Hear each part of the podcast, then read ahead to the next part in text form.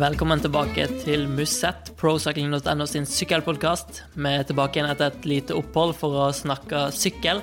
Eh, Theis Magelsen han er opptatt med sine andre eskapader, men eh, vi har jo mye å glede oss over denne uka, så vi må prate litt sykkel, Simon Nesler. Ja, det er mye som har skjedd uh, siden vi hadde podkast sist, og det er mye som skal, skal skje i tida framover. Sesongen er jo virkelig fullt i gang nå, så det er mye å ta tak i.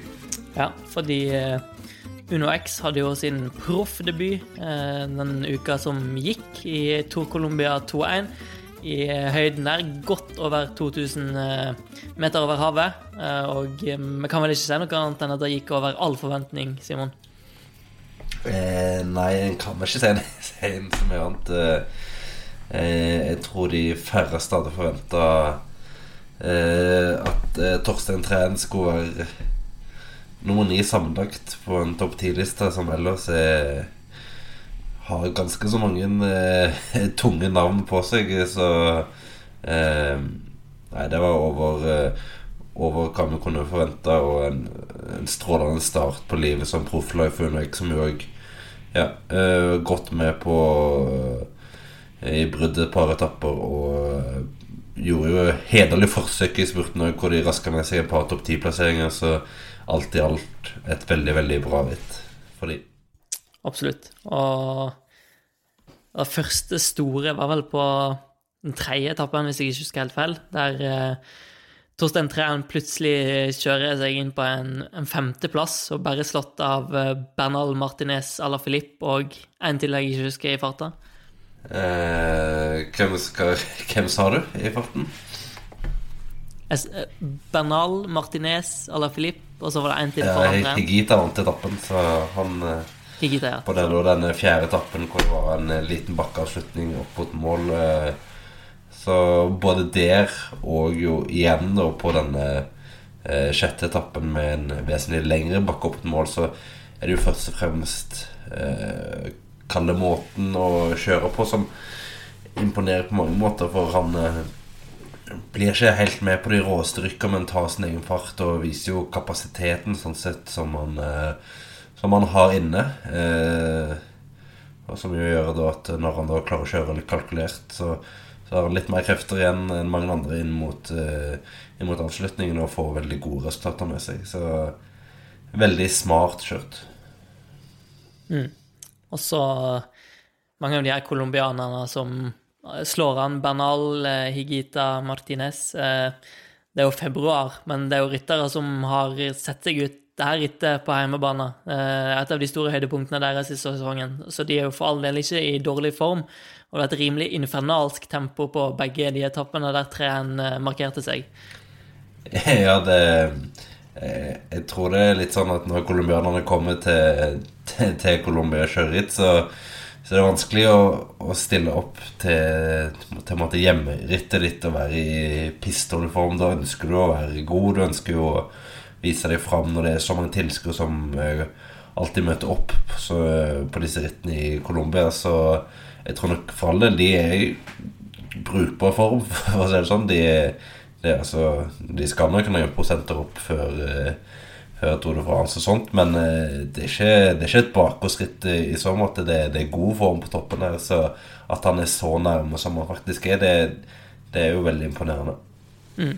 Og så det han gjør på den siste sjette etappen, der det er avslutning opp til 3200 meter over havet, når han først blir hekta av, eh, og det sitter en gjeng med EF-ryttere, Bernal og Carapaz kjører voldsomt tempo i front der, og at han kjører seg tilbake etter å bli hekta av eh, Jeg må si jeg var ganske spinnvill da jeg satt og så på det i sofaen, for det var bare rett og slett eh, mind-blowing. Ja, det var det var, det var, et kult øyeblikk det når han på en måte klarer å kjøre seg opp igjen etter å ha etter å ha ja, sluppet når det var kanskje 15-16 ryttere i, i T-gruppa, og så kom han seg opp igjen, og da var det rundt ti ryttere igjen. Så eh, du tenkte jo at eh, den femteplassen på fjerde etappen var veldig bra over all forventning. Eh, om det her blir Kall det et lite steg ned resultatmessig, og at det kanskje ender fem-seks minutter bak, så er ikke det så er ikke det noen stor katastrofe. Det er fremdeles et veldig godt ritt av både UnoX og, og Træn. så at han da måtte komme tilbake og, og klore seg litt fast, det, det var absolutt et, et veldig kult øyeblikk. Mm, han ender jo bare halvannet minutt bak Daniel Martine, som vinner etappen, og Bernal er på, på tredje der noen sekunder bak. Eh, på en 15 km lang klatring så høyt over havet. Det er veldig imponerende, og det viser jo eh, at UnoX har forberedt seg godt til rittet. Da kom jo eh, Invitasjonen kom vel i desember, og de har gjort mange grep for å, være klar her, og de viser jo at de for all del lykkes med seriøsiteten sin og metodikken sin. Og, og Tren har jo òg vært med på det varme varmeprosjektet, som muligens har hatt en, spilt en rolle. Ja, eh, for eh, sammenlignet med mange andre så har, jo, har de jo ikke hatt så mye tid for eksempel, til å akklimatisere seg til høyden i, i Colombia. De, de, bodde jo tross alt oppe på 2500 eh, meters høyde. og konkurrerte jo i samme høyde og oppover. Så selve akklimatiseringsperioden var jo kanskje litt kort, men det er jo begrensa med hva du, hva du har mulighet til òg. Det er jo ikke ubegrensa hva et lag som UnoX har mulighet til når du skal sammenligne med ja, Ineos, eh, The Quickstep og sånt.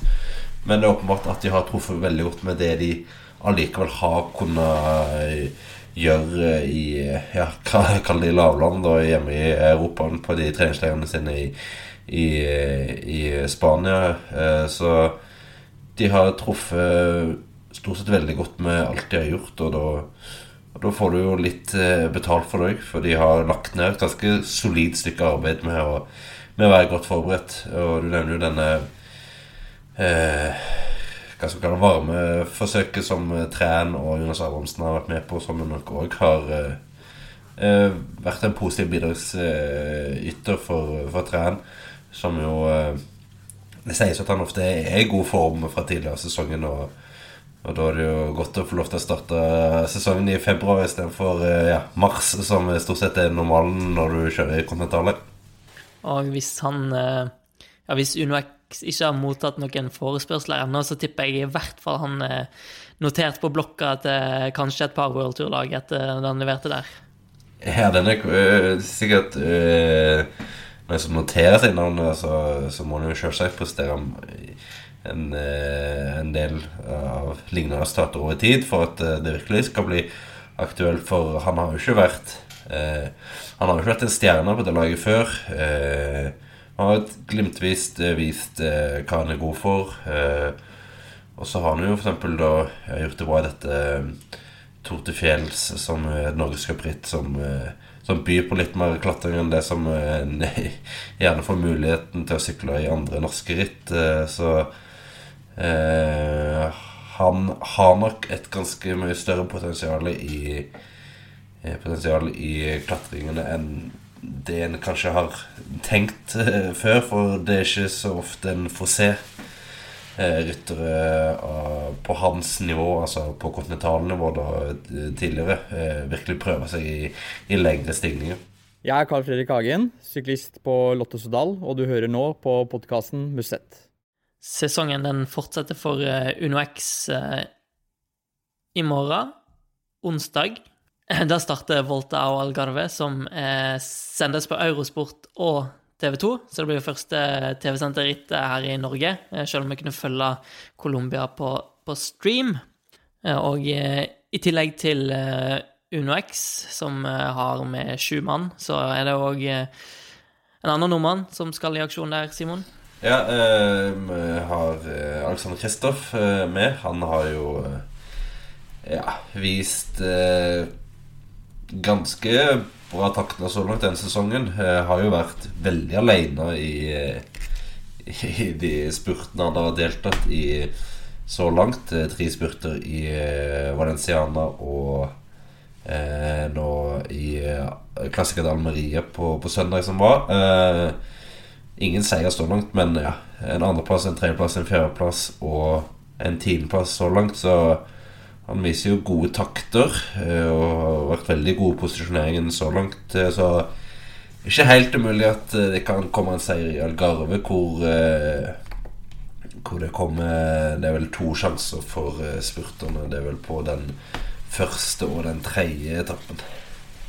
Ja, han har Det her nevner jo Stein Ørn støtter stadig når, når opptrekk og sånt eh, snakkes om hvor, hvor, masse Alex lider av å ikke ha et opptrekk. Eh, og vi ser at han klarer å få Han kjemper helt i første rekke om, og spurte om seirene, men har brukt mye krefter i posisjoneringa. Men eh, posisjoneringa i Almeria var jo forbilledlig. Ja, jeg syns jo òg han traff bra i Valenciana. Og det var kun der han ble nummer ti, så var det jo egentlig, egentlig litt uheldig med at opptrekket kollapsa foran han. Men eh, spesielt ja, Almeria så, så det veldig veldig bra ut. Og var han vel egentlig overlatt til seg sjøl med ja, fem, seks, syv kilometer igjen. Da hadde jo laget gjort en veldig veldig god jobb foran eh, fram til det punktet, da. Men eh, klart eh, Han er absolutt en rytter som eh, Som kanskje har gått fra å være litt der for noen år siden at, at en tenkte på han som en spurter som trengte et opptøy for å vinne. Nå, nå ser du at han i større grad òg har ekstremt gode posisjoneringsegenskaper.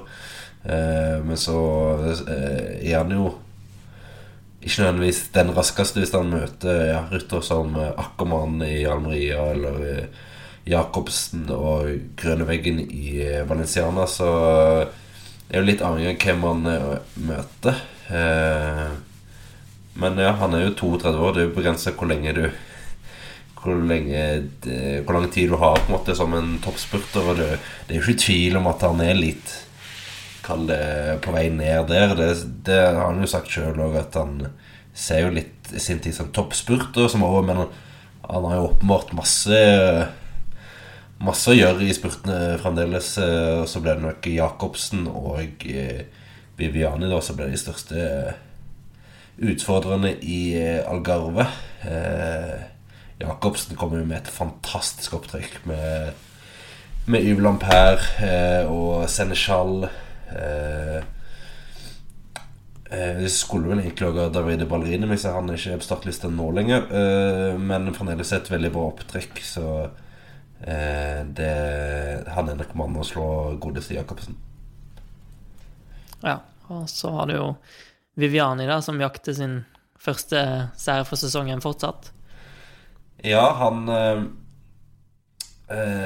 Han eh, var jo litt uheldig da i Australia hvor han velta på denne etappen til til Stirling i Tour Down Under, eh, som jo gjorde at resten av Australia-turen ble litt sånn eh, halvveis, siden han ble ganske kraftig forslått. Eh, og debuterte da i Europa, i Almeria på søndag, hvor han ble nummer tre. Men han var jo egentlig ikke i nærheten av å kunne utfordre Ackermann og Kristoff. Uh, så får se om han det kanskje går seg til nå som han får en del etapper i beina, kall det sammenhengende. men jeg jeg er jo ikke overbevist av Viviane så langt. Det, det er det jo ikke. Så har vi jo en uh, spurter på Uno X òg. Uh, det kan jo bli litt morsomt uh, Nå er det her litt uh, drømmende, da, men det kan jo plutselig bli Norges kanskje beste sykkelrytter gjennom tidene mot Norges første profflag i kamp om seieren, hvis vi er veldig heldige på en etappe. Ja, det kan jo bli. De kommer jo da med Daniel Holgaard som sin uh, som sin hovedspurter. Eh, og har med da Anders Gårdseth og Erik Norsæter Resell som eh, ja, kan det hjelpe han inn mot, eh, inn mot spurten. Eh, og det er, jo, det er jo en del hjelp å, å få der. Eh, og en er jo veldig spent på, på hva Daniel Hoelgaard er kapabel til å gjøre. Eh, nå som han er tilbake på et lag hvor han jo åpenbart vil få mulig mye mer sjanser enn det han eh, var vant til fra eh, sine fire år i, i Groupama fra Sjø. Så det hadde vært veldig fint å se han eh, få en positiv start allerede.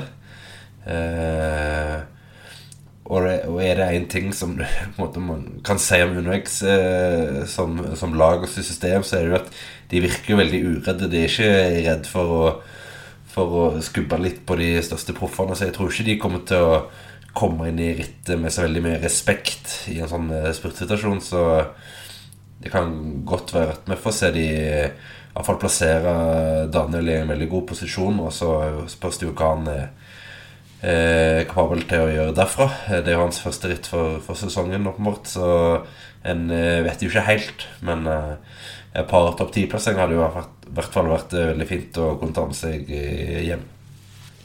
Så blir det òg veldig spennende å se hva Tor Sleen og Andreas Leknesund kan få til. Sleen var jo en liten sensasjon fra Tour de Lavnir i i fjor, og det er jo et par bra bakkeavslutninger her. På tre, andre etappen så er det Alto de Foya.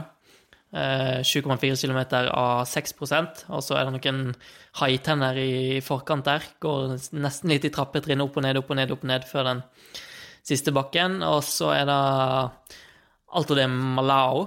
Eh, den har vel vært brukt ganske mye tidligere.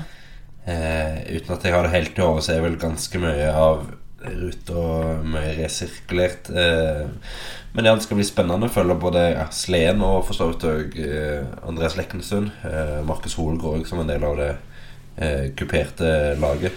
Sleen har jo så vidt jeg har sett, ifølge sånne Strava-tider, i hvert fall nærma seg rekorden til Tobias Foss i denne testbakken som UnoX bruker når de er i Spania, på, på, rundt en halvtime. Så han skal være i ganske greit slag, tror jeg. Eh, og som du sier, det er en mann som imponerte veldig mange i fjor, spesielt med kjøringen hans i, i Tour Lavenir, så nå eh, Dette er jo et, nei, et år for uh, Eller en sjanse når han nå får muligheten til å komme opp i, i proffverden, få litt uh, flere ritt som kan passe han bra, så, så er det et par år nå for som er veldig interessante å følge. Eh, og det er klart at fortsetter han utviklingen sånn som han eh, har hatt de siste årene, så, så ser jo han ut som en uh, worldtour-rytter om ikke altfor lenge. Så det skal bli veldig spennende å se hvordan han måler seg her allerede i Algarve. Mm. Og Alto de Malau kommer på fjerdeetappen, 2,6 km av 9,4% så det er en bra nesestiv her. Og Stig Kristiansen sa vel på sykkelpodden til Mats Kagestad at Leknesund var med nesten ene og alene for å teste seg på den tempoen som kommer på femteetappen, som er 20 km lang, eh, og for å sjekke litt hvor, hvor lista ligger da i forhold til andre World Tour-ryttere som deltar. Ja, det er jo en, eh, en fin tempo. Eh, det er jo en litt kupert tempo som nok òg passer fint for og Leknesund, som da får brukt litt eh, et bredere spekter av kvalitetene sine. Og møter jo en del gode temporyttere òg, uh, ja, sånn så åpenbart uh, Ron Dennis og Remco Evenepool. det er jo gull og sølvløgn fra, fra, VM i fjor, så en seier skal jo bli fryktelig vanskelig. Det, det er jo bare til å si med en gang, men det er jo Eh, det kommer til å bli en veldig fin målestokk da, å se på hva nivå du faktisk eh, ligger når du faktisk får møte ja, verdens egentlig beste temporyttere. Eh, så har du jo òg ryttere som ja, Max Schackmann, Mikkel Bjerg og eh, Ryan Mullen og Nils Pollitt. Så det, det, er jo et Det er nok av gode temposyklister eh, til stede, så eh, det blir en veldig, veldig fin test for eh, for godeste Leknesund. Det er jo første rittet hans etter han hadde den skaden i fjor, men vi har vel ikke fått noen indikasjoner på at uh, ting ikke har gått som det skal der? Eh, nei, han, uh, han, kom seg jo for så vidt ganske Ganske raskt tilbake på, på, på rulla igjen, så, så han, han, har vel forventning om at han skal kunne være i relativt uh, greit slag. I hvert fall uh, fullt uh, restituert etter skaden. så Nei, det skal bli veldig spennende å se hva han kan gjøre på den, på den tempoen. En topp ti-plassering hadde jo vært strålende å ta med seg videre. Hello, I'm Alberto Contador and listen to Muschet. Vi hopper videre til Midtøsten, som ikke gir helt slipp på sykkelsporten, selv om Torov Qatar er borte og Torov Oman er borte, i hvert fall i år. Så har det vært eh, Saudi-tour, og nå eh, starter UAE-tour denne uka. Eh, og eh, norske innslag her òg, Simon? Eh, ja, eh, det er vel i hvert fall to i Carl Fredrik Hagen, som jo da får eh, muligheten mulighet til å kjøre for et godt eh, samlet resultat. Eh, og så er vi jo òg eh, godeste Svein Erik Bystrøm eh, skal kjøre her. Eh, nesten, eller nærmest håndplukka for eh, å være en mann som kan hjelpe både eh, Fernando Gaviria og eh, Tadej Pogacar til å, til å vinne. Så eh, Bystrøms allsidighet settes pris på, og det blir òg en viktig test for han for å komme på, på Tour de- France-laget i, i sommer. Så for så vidt er det et viktig ritt for, for begge de to. Og eh, det er jo to ganger opp den her eh, ja, velkjente, skal vi kalle det, Jebel Hafit. Um, som er 10,8 km av 6,8 eh, og den skal de sykle på. Avslutte opp den på to etapper. Eh, ganske uvanlig variant der, men eh, det gir jo muligheter til Kalle å få testa seg skikkelig der, da. Ja, det er jo virkelig en, en, en ny vri. Eh, altså, det har jo hendt at for eksempel For noen år siden så hadde vi vel en etappe i Tour de France hvor det var to ganger opp Alpe d'Huez eh, samme dag eh, og sånt, men å, bru, å kjøre nesten to identiske etapper eh, i samme ritt er jo pussig.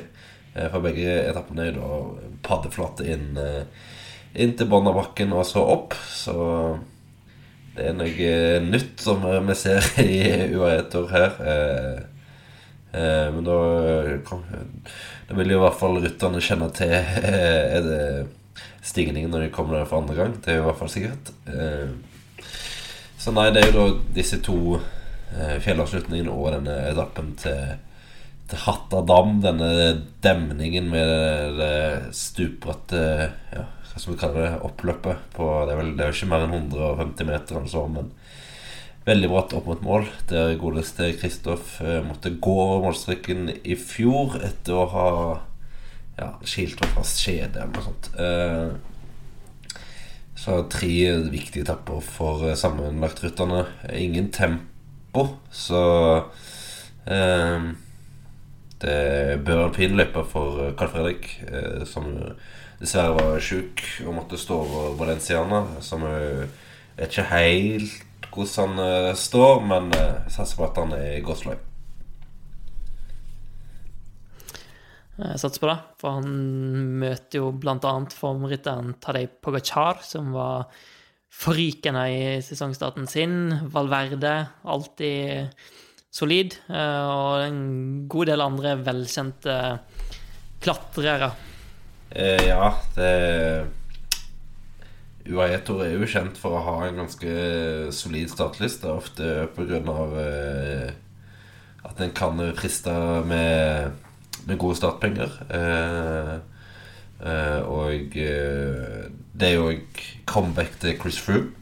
Han er jo i hvert fall signalisert at det ikke skal være så store forventninger til. Han skal bare jobbe seg sakte, men sikkert tilbake igjen etter denne velten i, i forbindelse med Crème Dauphiné i fjor. Men ja, Tadej Pogacar må vel være den store favoritten. Det er jo et ritt som betyr veldig mye for uh, For UAE Team Emirates. Uh, og eh, det er jo et ritt som de alltid prioriterer veldig, veldig mye. Så de kommer da med ja, både Pogacar og Gaviria. Så her skal det jo vinnes på, på begge fronter, og de kan godt ende opp med å med å vinne, vinne ganske mye òg, for jeg tror Pogacar skal bli veldig veldig vanskelig å slå i Sandberg. Ja, det han viste i eh, Valenciana, var jo ja, veldig solid. Og vi så jo hva han var kapabel til i, i Vueltaen i fjor. Så han blir nok den største favoritten der. Og i, i tillegg til et ganske sterkt eh, felt på I klatresegmentet så er det òg veldig masse bra spurtere. Eh, Dylan Grønnevegen, Pascal Ackermann, Sam Bennett, Caleb Bjøen, Fernando Gaviria, DeMar Ja, det blir nok en solide spurtbataljer òg. Ja, det her er jo et virkelig et, eh, et stjernefelt eh, med ja, Grønneveggen og Jun og Gaviria, som, som jeg vel kanskje for øyeblikket holder som Som eh, de tre beste eh, eh, spurterne. Eh, åpen for eh, eh, protester der, men det er i hvert fall sånn jeg ser det for øyeblikket. Så det tror jeg blir veldig veldig spennende å følge med på. Eh, Grønneveggen gjorde det jo bra i Valenciana med, med to etappeseiere, sjøl om han eh, eh, ikke kom med sitt eh, vanlige opptrykk. Eh, Arne Grønner Jansen og Mark Turnison de, ja, de er jo på, på, Tenerife og på Teide der og suger til seg kilometer i høyden. Så de er heller ikke med her i UAE-tour. Eh, men han klarte seg som sagt bra i Valenciana. Eh, og spesielt den første etappen, det var jo rimelig rå på måten han eh, ja, lå vel i tolvte posisjonen og sånt med 200 meter igjen, og så vant, gikk han rett og slett hen og vant. Eh, så han er i veldig godt slag. Eh, Ewan eh, ja, så jo relativt grei ut i Australia, og det gjorde jo òg Sam Bennett, så nei, jeg gleder meg veldig til å se de, de, de spurtene der. Mm. I tillegg har jo Gaviria åpna med tre seire i San Juan, eh, uten at feltet var av samme kaliber der. Eh, og så har du òg eh, godeste Cavendish, da, som var i gang i Saudi Tour igjen. Vi har avskrevet han mange ganger. Skal vi avskrive han igjen, eller har vi fortsatt et lite ørlite Nei, jeg tror ikke han kommer til å blande seg inn i, i teten her. Uh, uh, nå ble jeg usikker på min egen topp tre-liste i stad, for om jeg sa Grøneveggen, Jun og eh, Gaviria, så skal jo også Sam, Sam Bennett inn der. Så jeg får kalle det en topp fire-liste med de. Jeg skal ikke rangere de så veldig eh, mye nærmere de, men eh, de fire er i hvert fall i en egen klasse for seg sjøl, sånn som jeg ser det nå. Så nei, det blir eh, Det blir en veldig spennende spurter, som jo òg har flere andre innslag, så det er jo en eh, prestisjeduell på mange måter eh, for å se hvordan det ligger an mot f.eks. Eh, Tour de France. For det er ikke så mange ritt, men faktisk å se eh, så mange av de samla.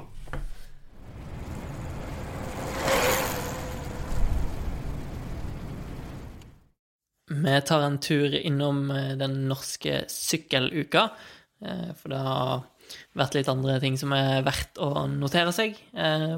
Blant annet Hightech Products sin sesongåpning, som eh, ja, gikk ganske bra, kan man vel si. Ja, De åpna med seier i Dubai Women's Tour, den første etappen der. Så vant de med Lucy eh, van der Haar. Eh, Ble nummer to på den andre etappen. Det er litt som pågår nå. Så relativt fint å kunne starte med, med en seier. Det er jo ikke et vanvittig startfelt, men Og det er jo et eh, 2-2-ritt, men det er jo eh, alltid veldig godt for et lag å kunne starte med en seier eh, så umiddelbart. Eh, så det lover alltid bra for, for veien videre. Og ikke minst godt for kanskje Lucy van der Haar, som ikke har vunnet siden 2016, eller noe sånt. Eh, ja, det er vel en stund siden hun har vunnet ritt. 2015 var det. Eh, så klart, det, det er alltid godt å vinne for en, for en rytter og for et lag. Det er jo mye kjekkere å være på et lag som faktisk gjør det bra. Eh, kan jo ta med at Line Marie Gulliksen ble nummer åtte på den første etappen, og hun ble jo nummer elleve på den andre etappen, så hun òg eh, melder seg litt på i masspurten. Hun sykler for dette damelaget til Andy Schleck fremdeles. Så um, har vi hatt eh, en del nordmenn i aksjonen i, i Spania, som òg skal i aksjon denne uka. Eh, Sindre Lunke, Kristian Aasvold og Sondre Holst Enger, eh, som kjørte annet Classica Almeria og Vuelta Mosia. Og jeg sa, ja, sa kanskje at de skulle i aksjon i Ruta del Sol denne uka.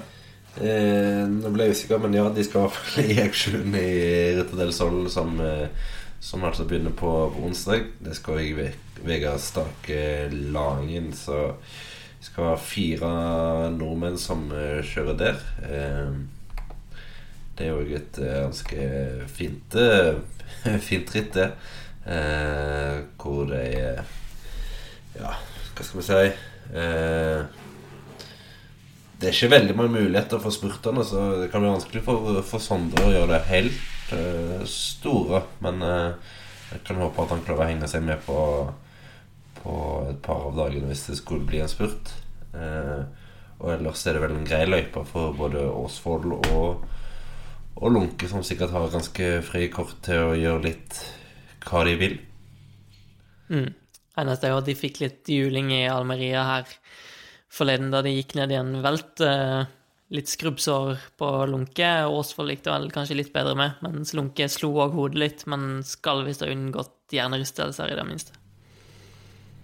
Ja, velt er aldri noe som eh, kommer beleilig, kan en jo si, så eh, Nei, jeg får håpe at det, det ikke er noe som hemmer de, hemmer de videre, i hvert fall. Eh, et ritt som eh, ja, Hvem eh, vil du se på som favoritt? Det er vel kanskje Jakob eh, Fuglsang som er den største favoritten? Ja, han vant vel i fjor, gjorde han det? Eller var nummer to? Han øh, vant vel i fjor, ja. Ja.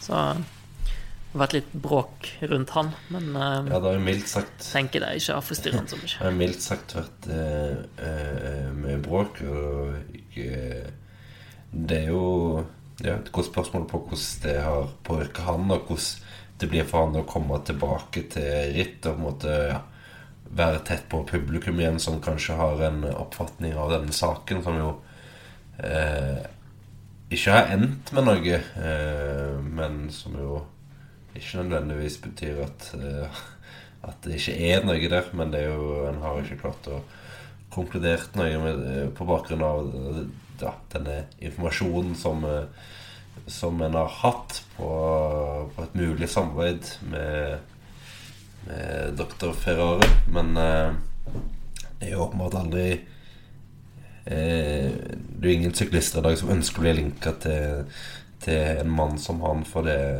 det betyr jo bare én ting. Eh, og at det kan stjele fokus, det, det er jo klart, selv om han eh, er sånn sett frikjent.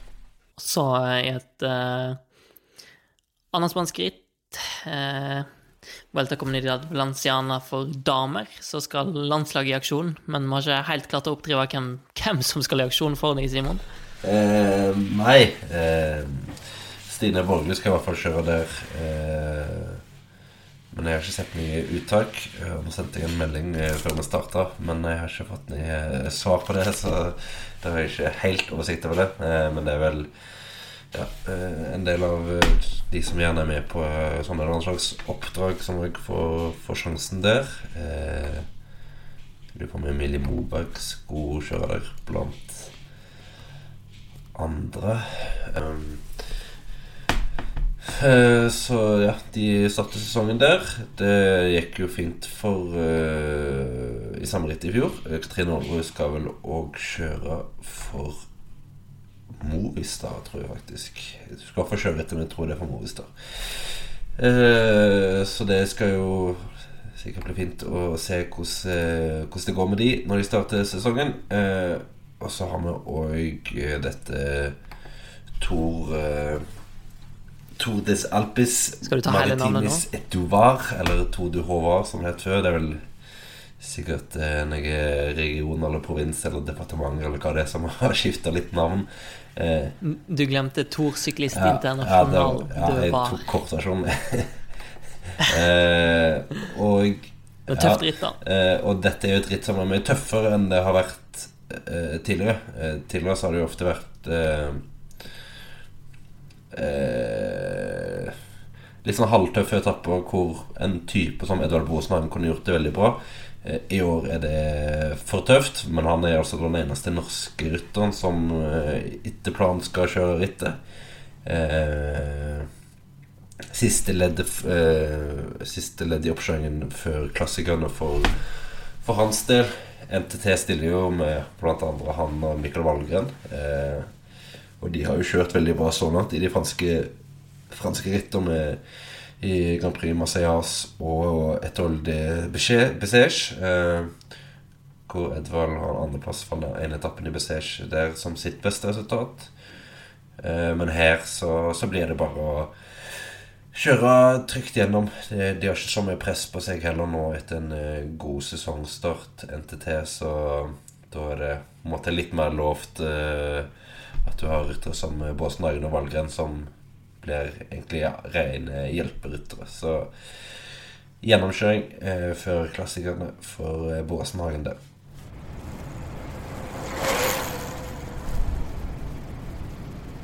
Da hopper vi videre i spaltene våre, og eh, det er tid for litt eh, slakt og litt eh, hyllest.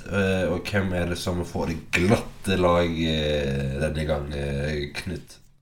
Jo, det er jo et ritt som allerede har vært nevnt i podkasten i dag. Dubai Women's Tour. Første etappen gikk greit for seg, men andre etappen hadde et helt hårreisende oppløp. Eh, altså, veiene der nede er jo så breie at det er vanskelig å, forestille seg. Eh, men eh, ja, hvor mange meter tror du vi snakker, Simon? 25 meter bredt, kanskje? Ja, det er vel hvor mange, hvor mange, felt er det hvis du skal tenke sånn um, kjørefelt for, uh, for kjøretøy? Sikkert åtte. tenker jeg. En brei vei. Ja, veldig brei vei. Ja, og rytterne er på vei ned det her breie oppløpet. Det er jo Altså, veien er jo um, Der veien stopper, er jo barrieren, da, så det blir jo gress på ene sida en slags uh, veiskille på, på andre sida. og de er på vei ned denne her veien i full spurt. Og rytterne er jo spredd nesten over hele veien. Og så plutselig står det en haug med vakter midt i veien med flagg som må løpe til sida, og plutselig er det da skilt midt på veien med eh, sånne gjerder, men det er ikke noe gradvis innsnevring, det er bare de desperate vaktene som prøver å signalisere at eh, her eh, må folk svinge inn for å komme mot mål. Eh, og, og, sånn er det jo tidvis, at det står vakter og og vinker inn. Men problemet er jo at denne innsnevringa, den plutselig brå innsnevringa, den kommer 50 meter før mål. Så vinneren holder jo nesten på å sykle rett frem på feil side av barrierene, kommer seg akkurat innom. Mange andre ryttere som må kaste seg inn, og det ser ut som det er noen som faktisk bare må sykle rett frem for de ikke klarer å komme på, på riktig side. Så um, hårreisende dårlig løst av de. Ja, det det ser jo ganske enkelt veldig, veldig dumt ut.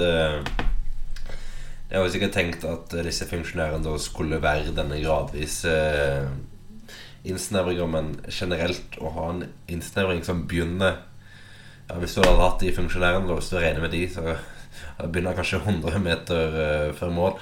Det er jo Det er ikke det smarteste jeg har sett i hele mitt liv. Altså, litt gøy at de eh, gjerdene fortsetter veldig langt etter mål, da. Istedenfor å starte tidligere, så går de veldig langt etter mål. Men eh, ja, ja. Hva har du på glassida i dag, Simon? For, for, øvrig kan jo alle gå inn på eh, Twitter-kontoen 'Cycling out of context', context, kontekst og se den uh, spurten. Den ligger der. Og så kan Simon få ta over. Ja, vi skal over til litt uh, lystigere Lystigere lag, holdt jeg på å si. Eh, og litt hyllest. Og det går til en Det går til en mann som ja, gjerne ikke har fått fryktelig mye ros i denne podkasten tidligere. men jeg må jo si det var fryktelig gøy å se på Nairo Quintana her på på lørdag eh, på vei opp eh, ja, ikke, ikke, helt til Mont Ventoux, men eh, ja, litt over halvveis. Eh, opp til Chalet Reinar, eh, hvor han rett og slett var særdeles god. Eh, det et det var et veldig sterkt eh, felt eh, til stede der i i eh, Tour de la Provence. Eh, og Quintana bare knuste dem. Han eh, har satte opp et høyt tempo fra bånn av bakken. Eh, og har jo gode lagkamerater med seg, med ja, Våren Bagil og vinner Anacona blant andre, som eh, ja, gjorde en god jobb med å holde farten høy tidlig, og så angrep han vel med liksom som ja, syv kilometer igjen eh, til mål, og eh, ender opp med å vinne etappen med halvannet minutt. Eh, da er du rett og slett bare den eh, beste.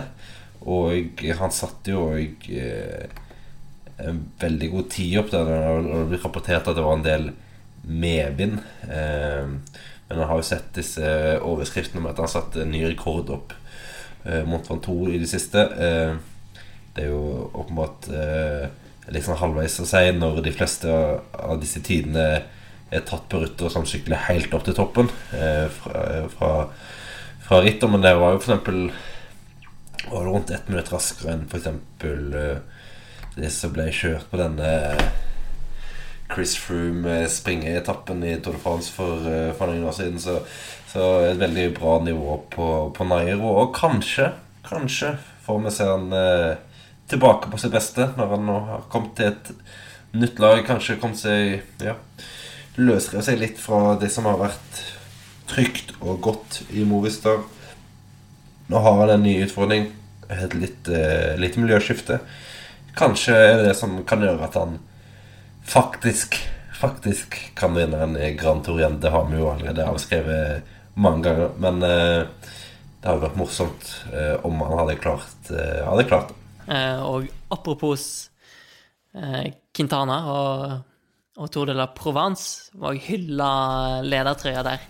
Som eh, Det var nærmest en kopi av eh, trøya som La Vie Claire hadde på 80-tallet. Men den er nydelig, den ledertrøya der.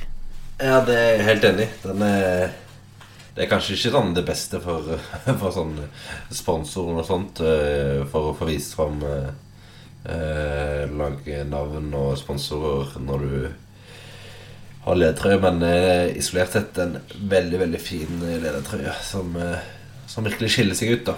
da Da vet du at du blir sett. Så absolutt, det er en terningkast seks.